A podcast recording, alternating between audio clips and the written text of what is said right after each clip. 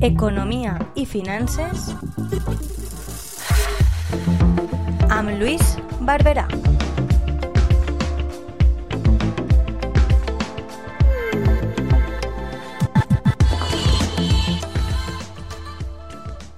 Hola de nuevo amigos y amigas de la Tuba Radio.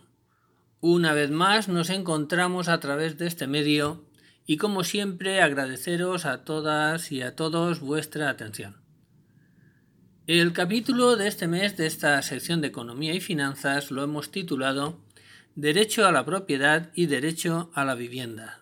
Antagonismo o las dos caras de la misma moneda. Y el motivo principal de que dediquemos un tiempo a los dos derechos anteriores viene dado por las consultas y dudas que han planteado algunos de nuestros seguidores en cuanto a la prórroga y suspensión de los procesos de desahucio vía Real Decreto Ley 8-2021 que vence el próximo día 9 de agosto y en los contratos de arrendamiento que permiten o permitían aplazar la deuda de los inquilinos. Entendemos que no es un asunto propio de esta sección de Economía y Finanzas, por lo que creemos oportuno que derivéis la cuestión a nuestra compañera María Ángeles Quiles, la abogada de la Tegua Radio. No obstante, aprovecharemos para dar una serie de cifras que nos hagan ver con claridad que este es un problema, como el de la ocupación y tantos otros de esta materia, que tienen una solución pero que desgraciadamente no se toman o no se han tomado medidas directas y se van poniendo parches y más parches que al final enredan tanto el conjunto que parece no tener solución.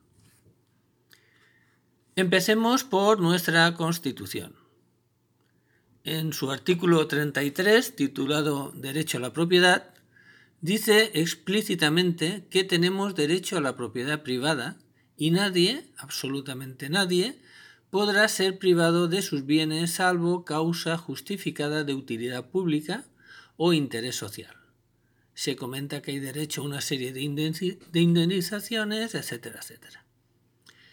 Y por otro lado, el artículo 47 se titula El derecho a la vivienda y dice explícitamente que todos los españoles tienen derecho a disfrutar de una vivienda digna y adecuada siendo los poderes públicos los que tienen la obligación de promover las condiciones y normas para hacer efectivo este derecho. Cuando en el año 2008 comenzó la penúltima crisis económica, la última se la adjudicamos a esta pandemia, que los expertos consideran finiquitó en el 2014, uno de los grandes problemas fue la pérdida de hogares por parte de muchos ciudadanos incapaces de afrontar la penuria que la crisis trajo. A partir de ahí se empezó a legislar de un modo caótico, poniendo parches y más parches que trajeron a su vez el problema de la ocupación y lo que hemos comentado al principio de prórrogas de suspensiones de desahucio, aplazamientos de deudas en arrendamientos, etcétera, etcétera. Y como fueron parches, nos encontramos con ocupaciones ya no de propiedades de bancos o de fondos buitre, sino de particulares, en muchos casos personas y gente humilde. Y la aparición, por desgracia, de mafias que controlan multitud de viviendas. O sea, los parches trajeron más y más problemas que han llegado a colapsar la justicia y obligado a intervenir a los cuerpos y fuerzas de seguridad del Estado que hasta ese momento operaban en muy pocos casos de esa índole. Asimismo, la aparición de plataformas cívicas con buenísima intención, que se conformaban con arreglar el problema del día a día si era posible, pero a los que no se daba una solución de continuidad y por tanto no se evitaban las situaciones penosas que surgían una tras otra. Algunos pensaron que la solución era que el Estado se dedicara a construir viviendas. Por un lado pensaban solucionaría el problema y por otro sería bueno para el empleo. Bueno, viviendas no se pueden construir por miles de la noche a la mañana y para ello el Estado debería tener o disponer de unos fondos que por desgracia no tiene. Sin embargo, la solución estaba frente a las narices del legislador y no se hizo nada al respecto.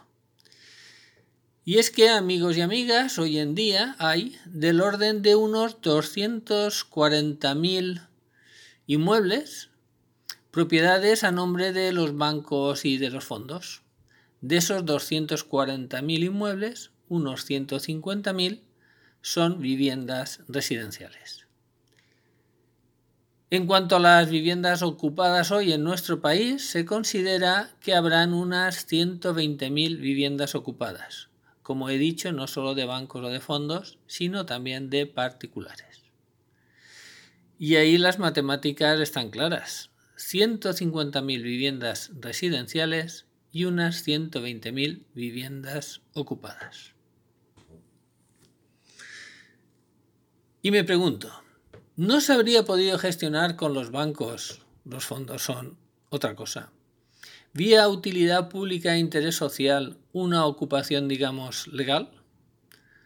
A las entidades financieras les habría venido genial, pues se hubieran quitado un marrón de cuidado de sus balances y a los ciudadanos la oportunidad de disfrutar de una vivienda digna.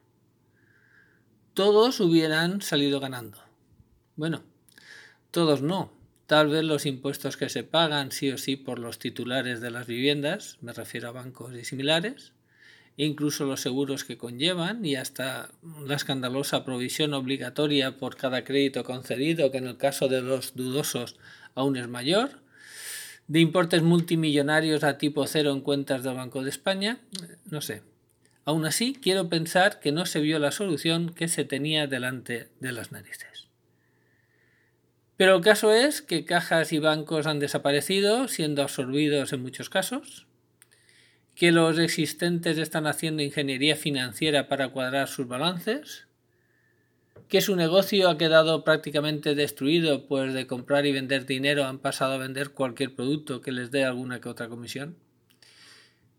Si se hubiera hecho bien desde el principio, no tendríamos el gravísimo problema social que tenemos, y nuestros bancos, escaparate económico ante el resto del mundo, habrían mejorado ostensiblemente sus balances y en muchos casos no se hubieran visto abocados a las complejas situaciones que se derivaron a posteriori.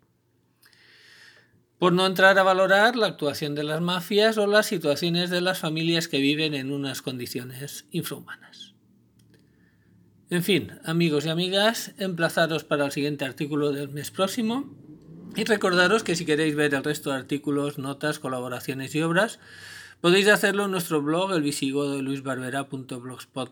así como en Facebook e Instagram con las novelas de Luis Barbera. Un fuerte abrazo.